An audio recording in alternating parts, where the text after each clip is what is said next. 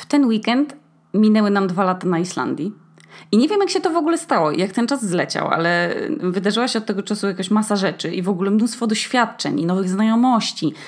I w ogóle śmieszą mnie na myśl o tych dwóch latach y, praktycznie no dwie rzeczy. Pierwsza jest taka, że ja myślałam, że jak będziemy tu już dwa lata, to ja będę zapierdalać po islandzku płynnie i w ogóle mieć masę islandzkich znajomych i, i w ogóle jakąś wspaniałą pracę, bo już awansuję i wiecie, już będę robiła coś bardziej prestiżowego.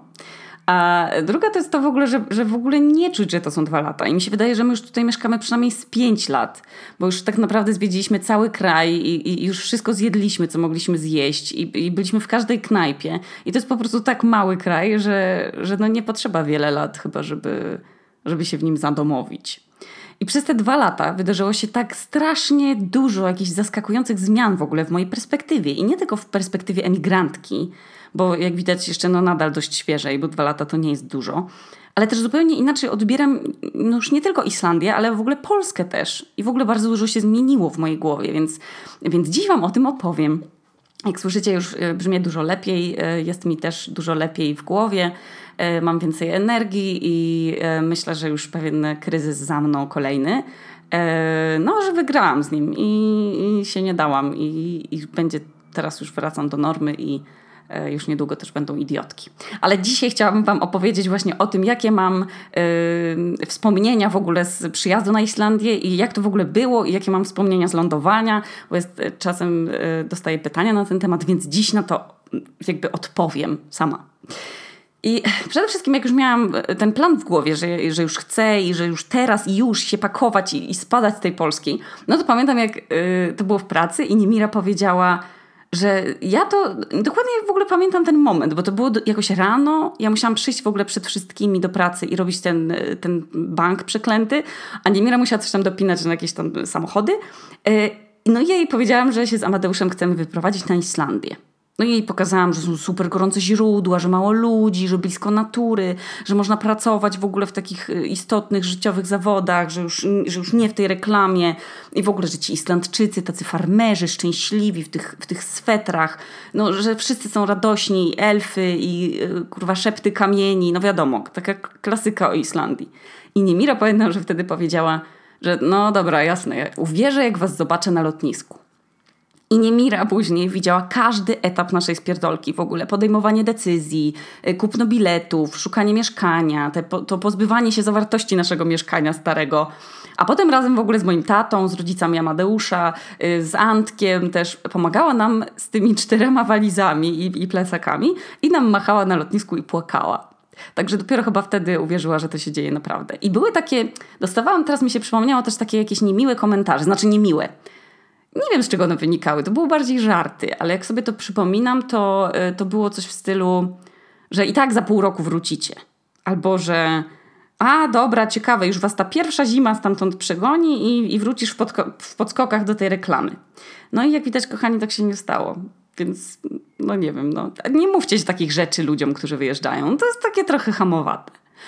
No ale dobra, wsiedliśmy w ten samolot i się wzbiliśmy w powietrze i ja byłam tak podekscytowana. W ogóle oboje byliśmy tak podekscytowani, że ja w ogóle myślałam, że ja się przekręcę tam, no bo moje marzenie się spełniało wtedy i gnałam w tych chmurach, y, tak naprawdę y, prosto w stronę słońca, no bo w Polsce już było ciemno i noc, a na Islandii się zaczynały białe noce, więc tych zachodów słońca w ogóle, lecąc na, na ten zachód, widzieliśmy chyba ze cztery, nie wiem.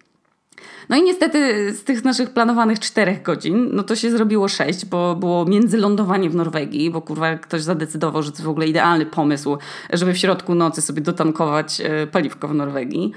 E, I w ogóle dołożyć tym, tym nieświadomym ludziom, e, którzy lecą na tą Islandię, w ogóle jakieś dwie godziny jebanego, trudnego lotu, że w ogóle powinni za to wsadzać do więzienia, bo, bo ja chciałam przecież już teraz wy, wysiadać już na tej islandzkiej ziemi i ucałować ją niczym papież. No bo to był nasz nowy dom przecież, no ja już chciałam jechać. Nasz nowy dom. Chyba nawet taki jest program.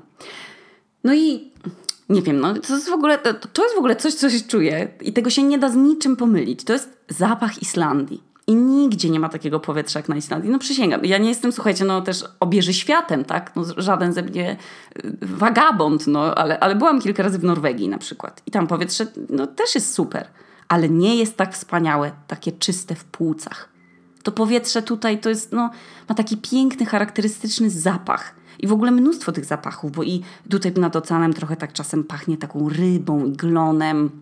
Na samym lotnisku pachnie po prostu taką czystością, tam dookoła są pola lawowe i po prostu pachnie takim no, czystym, pięknym powietrzem. No. Ale w ogóle to powietrze jest tak zdrowe, że ono w ogóle wymiata y, wszelki smog y, z pęcherzyków płucnych. On, jestem pewna, że to, to powietrze leczy raka po prostu w, w płucach nas, naszych zasmogowanych. No, ono pachnie nowością, taką świeżością. No i zawsze ten pierwszy haust powietrza w ogóle po wyjściu z tego samolotowego smrodu suchego powietrza i tego zapachu charakterystycznego, to jest taki, takie uczucie, że o, już jesteśmy w domu. To jest fantastyczne. I w ogóle to wspomnienie bym chciała tym podcastem sobie zachować, że właśnie tę wspaniałość powietrza, w dodatku takiego ciepłego, letniego, tak jak dziś, dziś jest jakieś 13 stopni i bez wiatru i pełne słońce. To jest, to jest na Islandii no, temu, dzięki temu też ciepłemu prądowi i kątowi podania światła chyba. No to to jest odczuwalne polskie 23, no to jest wspaniałe. No i tak właśnie było też w, w tym dniu naszej przeprowadzki. I od razu następnego dnia, no bo jak lądowaliśmy to po tych tam sześciu godzinach, tak, na Boga, to jest w ogóle straszny, straszny czas, no to się od razu okazało w ogóle, że leje i wieje i nie chcą nam dać auta, bo tam zarezerwowałam coś, nie, że nie mieliśmy karty kredytowej, tylko chyba debetową. I my, słuchajcie, z tymi walizami, w tym, z, tym, z tym deszczem w ogóle nad nami i pan nam powiedział, że niestety nie wyda nam auta, więc musieliśmy na szybko sobie kołować inną wypożyczalnię w, tej, w środku nocy w ogóle. No więc w tym, tym deszczu, z tymi czterema walizami, z tym całym naszym dom, nowym domem, musieliśmy tak naprawdę, no chuj wie w sumie, czy to była noc, no bo to było przecież jakoś o trzeciej w nocy. Było jasno. To musieliśmy wypożyczyć nowy ten samochód i to była w ogóle Kia Picanto. I ona się jakoś powinna nazywać, nie wiem, Kia Piccolo, ona jest tak mała. Tam się da tylko zmieścić chyba owczarka niemieckiego i jakiegoś, nie wiem, ratlerka, ale nie dwie osoby dorosłe i walizki i plecaki. A pan w ogóle z wypożyczalni nas tam dopchnął nogą, jakoś powiedział, że, że jakoś to będzie i dojedziemy. No i wyruszyliśmy. I to był nasz w ogóle pierwszy kontakt z, z mężczyzną Islandczykiem i ja wtedy jeszcze w ogóle myślałam, że oni wszyscy są tacy przystojni jak on i tacy Islandcy i piękni. Yy, no i po dwóch latach muszę wam powiedzieć, że no, że się myliłam wtedy. Więc pierwszą noc spaliśmy u naszych znajomych, yy, tak tuż koło lotniska, a rano się umyliśmy i ja nawet włosów nie dosuszyłam, tylko już w ogóle podekscytowana pomknęłam do tego naszego pierwszego Airbnb. No, przepięknego w ogóle małego mieszkanka. I w takiej fajnej dzielnicy ono było, gdzie w ogóle y, odebrał nas nasz host, Biarni. I wtedy już, y, no te, wtedy już się zorientowałam, że nie wszyscy Islandczycy są tacy hot. No i on nas wysłał w ogóle do takiej, na śniadanie, do takiej małej kawiarenki na osiedlu. I no tam piękna, no taka, i ona była pełna właśnie takich typowych Islandczyków w tych swetrach i w tych, um, były dzieci w takich y, bluzkach, jak to się nazywa, no takich piłkarskich z, napi z napisami jakimiś tam Arnarsson i to było tak super, pamiętam, że mi się to bardzo podobało. I tam zjedliśmy pierwszy islandzki posiłek. I to była taka olbrzymia, cynamonowa, wegańska, taka buła polana taką grubą warstwą czekolady. I wtedy też mi się wydawało, że, że tu jest jakaś anomalia w ogóle i że Islandczycy jako naród, przecież taki skandynawski, no to przecież na pewno oni są zdrowi jak Szwedzi i wszędzie jeżdżą na nartach biegówkach, nawet latem i na, na tych rowerach. No i kochani, też się myliłam, no bo Islandczycy jedzą tak słodkie rzeczy, tak słodkie ciasta, że w ogóle czuć jak ten, no, ten cukier zgrzyta w zębach. No. Oni też piją jakieś hektolitry napojów energetycznych, też pełnych cukru. Więc w basenach oni na przykład no, nie pływają za często, tylko leżą, tak? A na narty nie wiem ile razy w roku jeżdżą. Raz, może tak. Ale no, tu trzeba przyznać, że dużo ludzi biega i ćwiczy na siłowni. No, to jest fakt. Ale jedzą tyle cukru, że mój Boże. No i ta kawiarnia była, była urocza i, i myślę, że z mojego sentymentalnego poczucia E, miłości do rzeczy przeszłych i miłych, no to chyba będziemy musieli tam jakoś niedługo się wybrać znowu. W każdym razie po śniadaniu od razu pojechaliśmy się spotkać z moim wujkiem Romkiem, bo się okazało, że ja mam w ogóle mam na Islandii wujka Romka i moja mama w ogóle nie, nie raczyła mnie poinformować o tym fakcie jakoś, e, nie wiem, kilka lat temu, tylko po prostu jak jej rzuciłam pomysł, że chcemy e, wyjechać na Islandię, to moja mama, o, to wujek Romek tam mieszka. Więc okazało się, że mamy jakiegoś dalekiego wujka Romka, który jest od um, jakichś, nie wiem, 13 lat stolarzem. No i mieszka z ciocią i nawet była tam moja kuzynka. No więc y, wujek nas zabrał na wycieczkę. I w ogóle co to była za wycieczka? My byliśmy tam y, na lodowcu, y, na wodospadach. Wujek nam w ogóle pokazywał, komu malował dom, gdzie warto zjeść. Jedliśmy takie um, lody przy wodospadzie i poprosiłam, żeby pani mi do kubeczka z lodem wsadziła taki mały rożek, tak jak to robią w warszawskiej y, lodziarni jednorożec. No i skumajcie, że w ogóle tej pani sprzedawczyni się tak spodobało ten pomysł z tym rożkiem, że w ogóle po pięciu minutach, po pięciu minutach już widzieliśmy, że ona wszystkim tak te lody daje. Więc no, wtedy się też nauczyłam, że Islandczycy kochają wprowadzać do siebie jakieś nowe trendy. Jak jedna osoba gdzieś zacznie podawać, nie wiem, głęboko zmażonego kalafiora z sosami, żeby były takie, wiecie, skrzydełka kurczaka jakby z kalafiora, no to to musi być już w ogóle w każdej knajpie. Że, no, albo na przykład, że zobaczą, że modna jest dieta ketogeniczna. No to już wszystko jest ketogeniczne. Napoje energetyczne, y, burgery w każdej knajpie. Słuchajcie, no ja wcale nie żartuję. Islandczycy absolutnie wszystko ściągają z zagranicy. I, i oni w ogóle nie są narodem skandynawskim. To jest taki, to jest miks takich nordyckich Amerykanów. No naprawdę. I teraz to już wiem, ale wtedy no, nie wiedziałam. I pamiętam, jak się gdzieś zgubiliśmy na osiedlu i, i zapytałam jakiegoś małego chłopca, i on, nie wiem, no miał, nie wiem, mia, maks 6 lat. Jak gdzieś tam dojść? To odpowiedział mi tak pięknym angielskim, że mnie to w ogóle wbiło w ziemię, bo myślałam, że on, wiecie, tak łamaną angielszczyzną mi pokaże gdzieś palcem. A on miał w ogóle z 6 lat akcent miał jak sam amerykański, no jak amerykański skurwysyn. I wtedy się dowiedziałam, że tu dzieci poznają angielski w ogóle już prawie przez, po prostu przez brzuchut matki. No bo bajek się tłumaczy Bajek się nie, nie tłumaczy wcale tak od razu na islandzki dubbing, więc bardzo dużo oni muszą bajek oglądać po angielsku. No ale dobra, tam wycieczki były takie, że, że każdy powod, wodospad w ogóle powodował u mnie łzy w oczach każda mała owieczka, a to był akurat ten sezon, ten maj, no to był moment, kiedy, kiedy owce dawały małe lampki i one tak podskakiwały po tej zielonej trawie. Boże, no bo to po prostu wywoływały o mnie, u, u mnie one laktacje. I te krajobrazy były tak nowe, te nieporównywalne z niczym, takie, no kurwa, no egzotyczne, no że wsięgam, no byłam spocona z ekscytacji cały czas. I każdemu pagórkowi musiałam zrobić zdjęcie, słuchajcie, każdy łubin musiałam obfotografować. To było tak ekscytujące. Te parujące, na przykład przybijające się przez ziemię tabuny pary, no to, to te wulkaniczne bulgoty błota, w ogóle wszechobecne ślady tych wulkanów mnie mega podniecały. I taka skrzyneczka stała, pamiętam, że jakimś tam miejscowości, taka skrzyneczka pełna pomidorów. I tam sobie podeszłam i patrzę, że można tam wziąć pomidory i było napisane, żeby wrzucić opłatę do skrzyneczki, taką darowiznę. I pomyślałam sobie, Jezu, jakie to jest w ogóle wspaniałe, że oni sobie tak ufają, że ktoś nie ukradnie tych pomidorów i że wrzuci tę darowiznę. Ja myślałam, że przecież w Polsce to by w, w trzy minuty zajebali te wszystkie pomidory i tę skrzyneczkę nawet. I wtedy myślałam, że na Islandii jest tak uczciwie i że, że w ogóle ludzie nie kradną. I o jakże się, kochani, myliłam. Kradną. Komuś w domu nawet koralowca mafia y, zajebała, całą rafę koralową, przysięgam. I to nie elfy, kochani, bo kradną i Islandczycy, i Polacy, i, i Litwini, i no, no nie ma w ogóle krajów, gdzie nie kradną. Także no i okradają też pracodawcy. My mieliśmy akurat zawsze szczęście do uczciwych pracodawców, ale jak byłam na przykład w piątek e, w związkach zawodowych, po, po jakiejś tam część zwrotu, część hajsu za sesję utena, to słyszałam, jak Polacy przyszli złożyć skargę na islandzkiego pracodawcę, który ich rucha za przeproszeniem na, na wypłatach i ich zwalnia i nie daje umowy.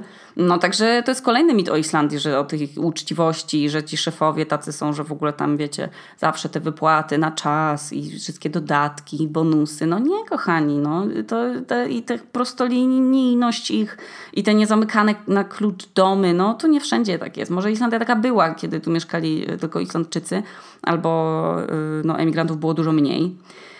No ale y, no, już nie mieszkają tylko Islandczycy. No. I my po fali takich kradzieży w okolicy musieliśmy też zacząć zamykać drzwi. No i teraz już wszyscy zamykają drzwi. No.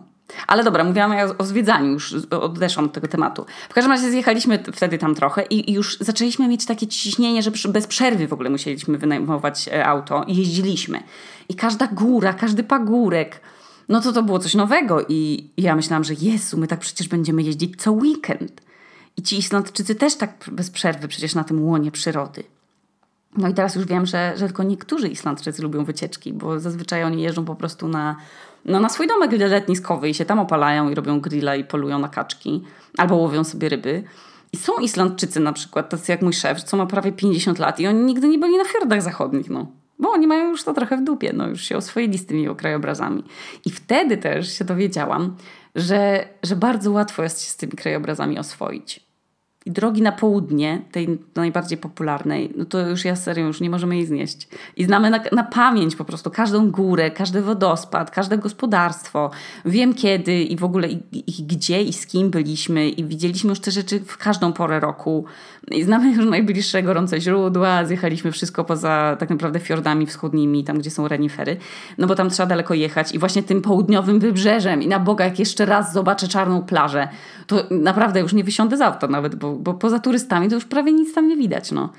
No bo tak, kochani, po pewnym czasie się ukazuje taka gorzka prawda na temat Islandii, że, no, że te wszystkie zdjęcia w ogóle rzadko kiedy pokazują przecież ludzi.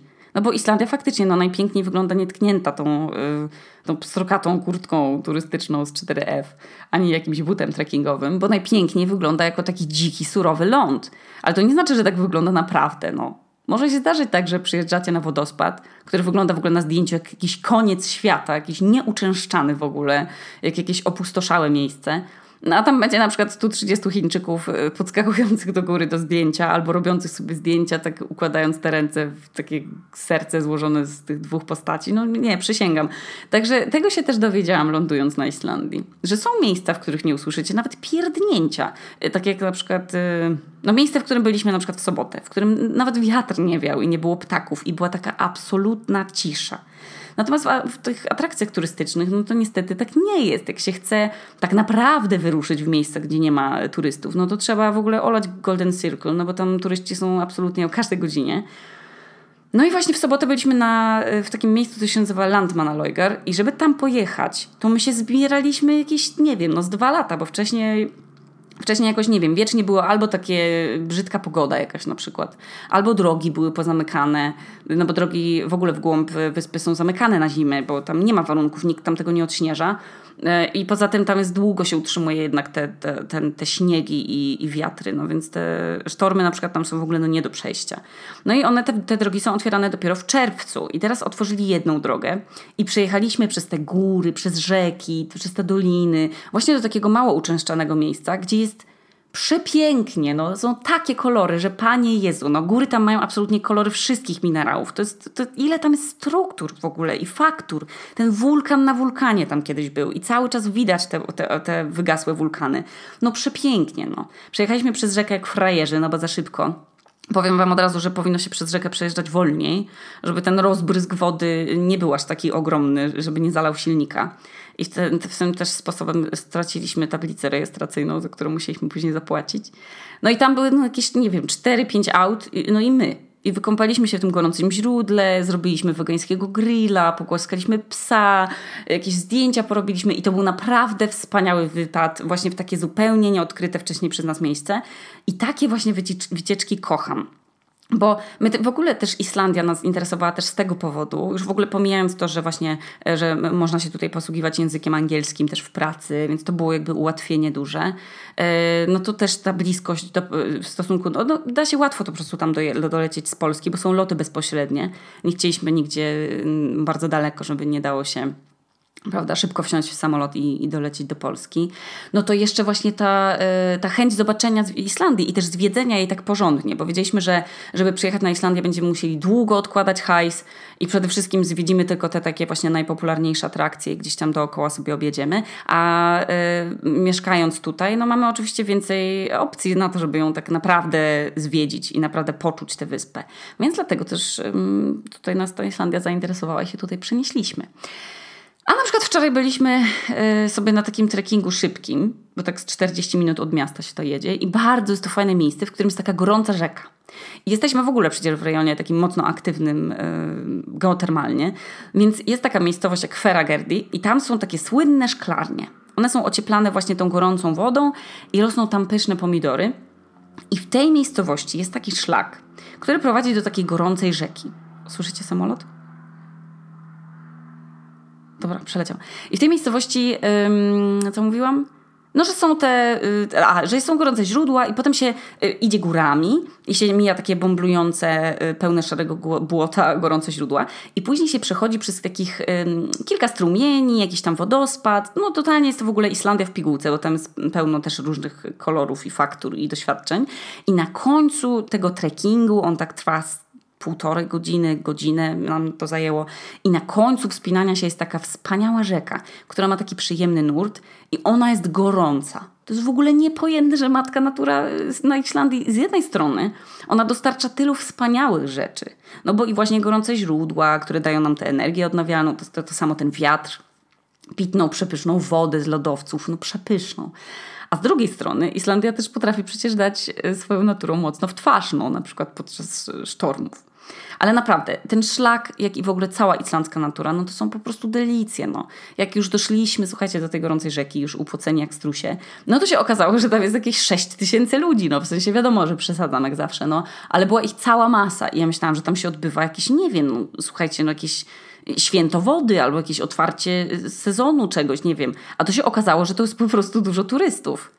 Ruskich, Litwinów, Polaków, no bo niedziela, więc można się wymoczyć i to jest blisko miasta. No i słuchajcie, Islandczyków to tam było no, na palcach jednej ręki policzyć. I to jest kolejna nauka, kolejna rzecz, którą, której nauczyłam się na Islandii albo którą odkryłam.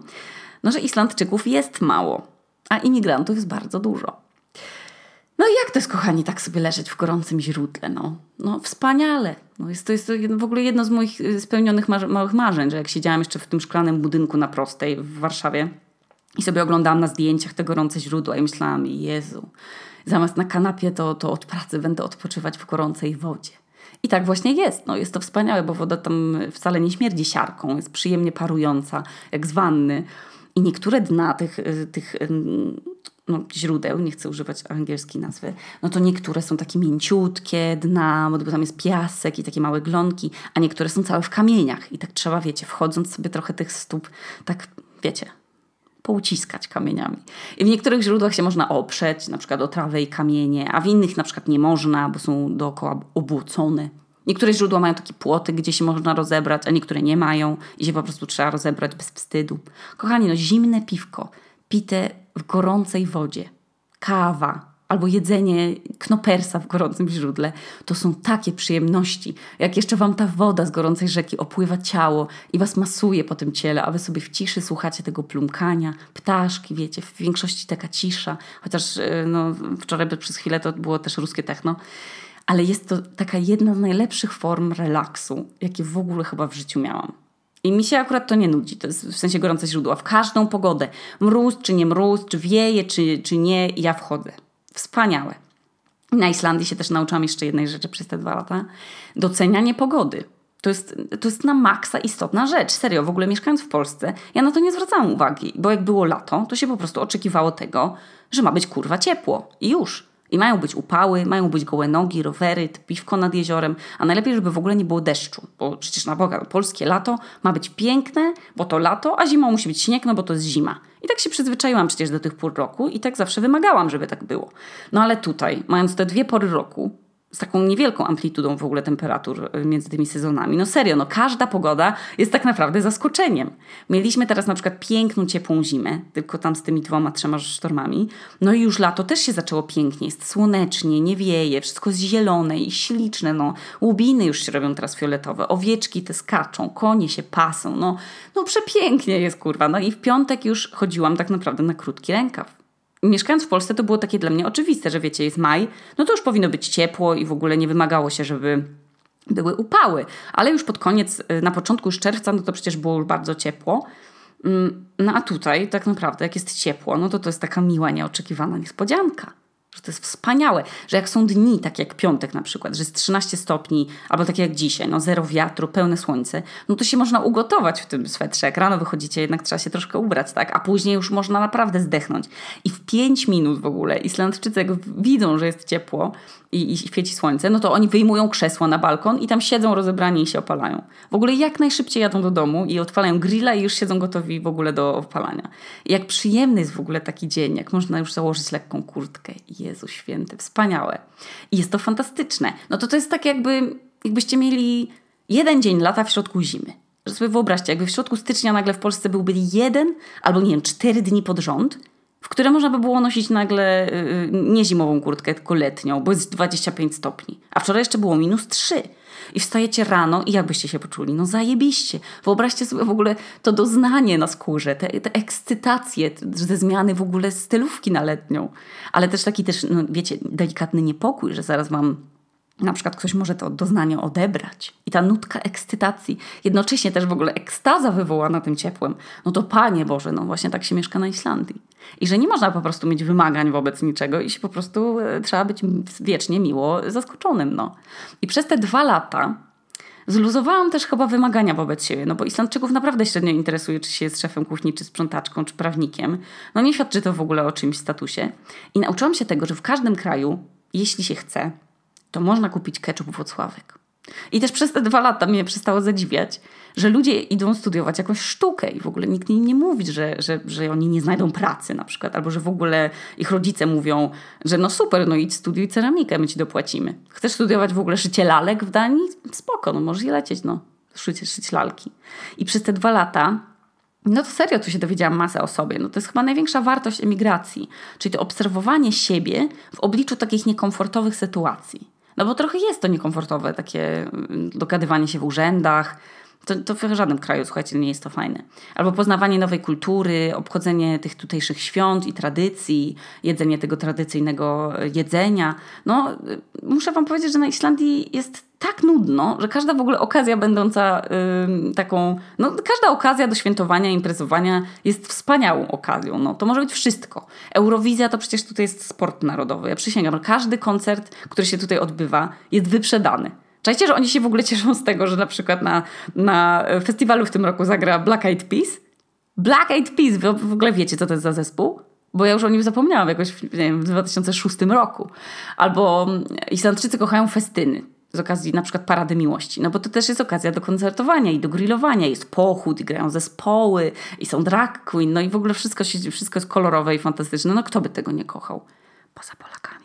Albo mecze na przykład, nie swojej reprezentacji spędy owiec, dzień zupy mięsnej, nawet, nawet oni mają dzień zupy mięsnej, czajcie? Dzień rybaka, takie ichniejsze, e, o, święto takie niedaleko święta Trzech Króli, e, gdzie dzieci chodzą poprzebierane. Za co chcą? Oczywiście zazwyczaj strasznie i dziwnie. I chodzą po restauracjach i muszą zaśpiewać i proszą o słodycze. No ale żeby je dostać, to muszą zaśpiewać. I w ogóle to jest chyba takie trochę moje ulubione islandzkie święto, które też jest jednocześnie niekomfortowe no bo jednocześnie mnie to trochę wzrusza, że te dzieci e, śpiewają i są tak fajnie poubierane, ale z drugiej strony mnie to strasznie żenuje, no bo one przede mną śpiewają. Więc no, w tym roku przyszły y, takie dwie małe siostry do mojej knajpy, jedna wyższa, druga niższa i już widziały lizaki prawym okiem, więc ja już pełna wstydu, bo wiecie, no ja czuję też ich wstyd, tak? No i to nie jest przyjemne chyba tak śpiewać przed jakąś obcą babą. No więc ja już chcę te lizaki dać za darmo, za samą obecność i taką odwagę wejścia do tej knajpy, a ta starsza już widzę, że oddicza po islandzku i ta młodsza zaczyna śpiewać i takie hausty powietrze zaciąga, wiecie, pomiędzy słowami. I nie wiem chyba, kto był bardziej poddenerwowany. Czy to ja byłam bardziej poddenerwowana, czy one? No pewnie ja, no bo one wyszły zadowolone z tymi garściami lizaków, a ja chyba z taką ulgą, że już przestały śpiewać. Ale naprawdę przez 15 minut jeszcze czułam takie poddenerwowanie.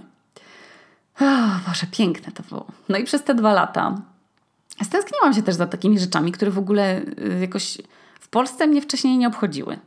Na przykład y, drzewa Przecież ile ja bym dała w ogóle teraz, żeby iść sobie do lasu, żeby, gdzie pachnie lasem i ten las ma więcej niż 20 lat. Albo na przykład na maksa mi brakuje tego właśnie okresu między wiosną a latem, że już można jeździć na rowerze w sukience bez rajstop. Albo jedzonka takiego urozmaiconego też mi brakuje. Że jak wchodzi film do kin, to że go można przecież od, obejrzeć od razu. I, I, nie, że są dwa kina, tylko jest tych kin milion i można sobie seans, godzinę seansu i dobrać idealnie do pracy. I za, te, o, i za tymi biletami na takie weekendowe wyjazdy z Polski, takie wiecie, że tam sobie polecieć na przykład do Berlina. No ja w ogóle tego nie robiłam w Polsce, bo jakoś yy, po pierwsze no nie umiałam sobie brać wolnego w pracy, bo mi się przecież wydawało, że yy, po pierwsze nikt mi go nie dał, a, a po drugie przecież ja mam taką ważną pracę, no przecież ja nie mogę tak sobie pojechać na weekend. No i chyba najciekawszym odkryciem emigracji jest to, jak dziwnie się człowiek czuje, bo ani nie jest jeszcze do końca, tak wiecie, mieszkańcem swojego kraju, no bo nie płaci się w nim podatków, nie podlega się jego prawom, y, nie wiadomo, czy głosować w wyborach, czy nie, no bo przecież ktoś za, zarzuci, że, że przecież co się wpierdalasz, skoro w ogóle nie wybierasz swojego prezydenta albo swojego parlamentu. Ale jednocześnie wiele rzeczy się ocenia w tym nowym kraju przez pryzmat swojej własnej kultury. I gadałam o tym ostatnio z Tedem i właśnie o tym, co w różnych kulturach oznacza wiek no bo mówię mu, że, że ja już mam przecież 26 lat i już mnie to dobija, no, że powinnam już myśleć nad jakimiś poważnymi sprawami. Jakieś już ludzie mają dzieci, mieszkania, psa przynajmniej. A ja jestem jakaś nienormalna, bo nie odbyłam tej ścieżki co wszyscy, że te studia, później praca stabilna, pracuję w tej kuchni. Przecież w ogóle sobie nie wyobrażam nawet siebie do końca życia w tej kuchni. No to co ja będę robić? No przecież ja nie lubię tego robić. No i właśnie tak zaczęliśmy gadać o tym, no bo Ted się tym zainteresował, co oznacza dla mnie normalność. I że ja w ogóle bardzo często, jakoś nadzwyczaj często, nazywam coś normalnym. Że normalną ścieżką edukacji, normalnym życiem w ogóle. I razem z Tedem doszłam do tego, że ja jestem uwięziona w tych dwóch kulturach, czyli jedna z nich stawia na, indywidu na ten indywidualizm, no bo możesz kim być tym, kim chcesz, studiować co chcesz. W ogóle nikt nie ocenia twoich wyborów, bo pracujesz sobie na dwa etaty, na przykład na magazynie i jako piekarz, no bo zarabiasz sobie na studia na pilota, albo tam, nie wiem, studiujesz taniec. I nikt ci nie mówi, że to jest bez przyszłości i, i rodzice są na ciebie, z ciebie dumni. To, to, to, to jest naprawdę. To jest, to jest rzecz, którą, która odróżnia na maksa e, właśnie Islandię od Polski. A moja druga kultura to jest ta kultura, w której dorastałam, że jednak no, nie warto odstawać, no bo później cię spychają na jakiś tam margines społeczeństwa, jesteś jakimś odludkiem, albo uznawany jesteś za nieuka, no bo się skończyło, nie skończyło studiów, albo się kończyło uczelnię artystyczną właśnie. Albo się jest po prostu odrzutkiem, bo się nie jest hetero, a w Polsce przecież zawsze do, trzeba do jakiejś większości należeć, żeby zadowalać wszystkich dookoła. A jeśli się nie przynależy, no to oczywiście trzeba się liczyć z tym, że nie będzie miło i łatwo i że, że nie ludzie, którzy też się boją żyć. Tak jakby w sumie, w sumie oni w zasadzie by chcieli żyć tak jak chcą, ale ci ludzie się boją yy, i będą się starali zawsze zwalczać tych, co odstają i po prostu ich próbować przymusowo wciągnąć do tej normy. No albo na przykład co ma 30-latek w Polsce, a co na Islandii, a co w Stanach który ma na sobie w ogóle największe wywierane przez społeczeństwo ciśnienie. I gdzie taki 30-latek ma najlepiej jest mniej spięty, że nie ma własnego mieszkania. Albo na przykład taka głupia sprawa w ogóle wydawania dźwięków głośnych, bo w Polsce jest to jednak dużym nietaktem, jak się na przykład głośno w towarzystwie czka, albo beka, albo, albo ciamka, czy tam, nie wiem, siorbie napojem.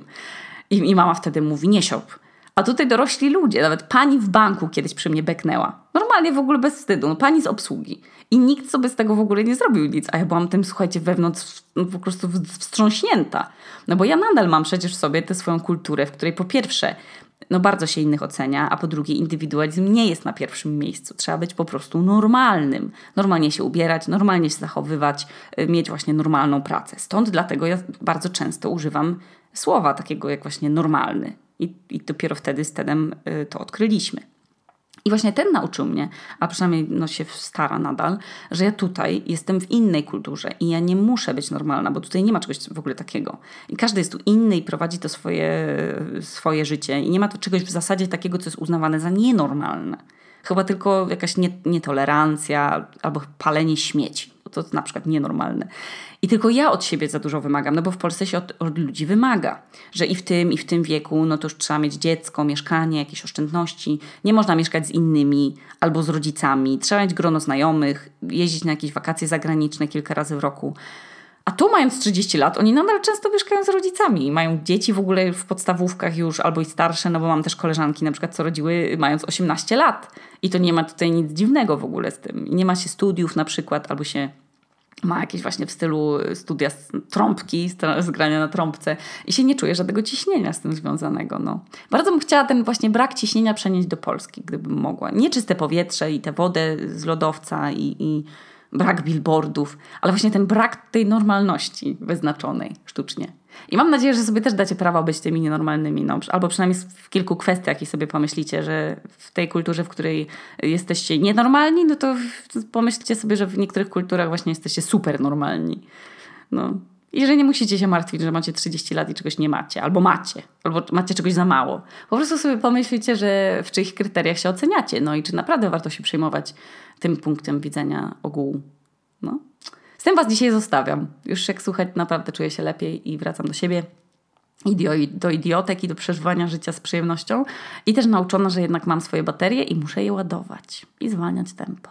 Także do usłyszenia niebawem oraz do usłyszenia w nowym odcinku Idiotek. Tu Okuniewska z piwniczki w Reykjaviku, a to był odcinek o naszych dwóch latach na Islandii.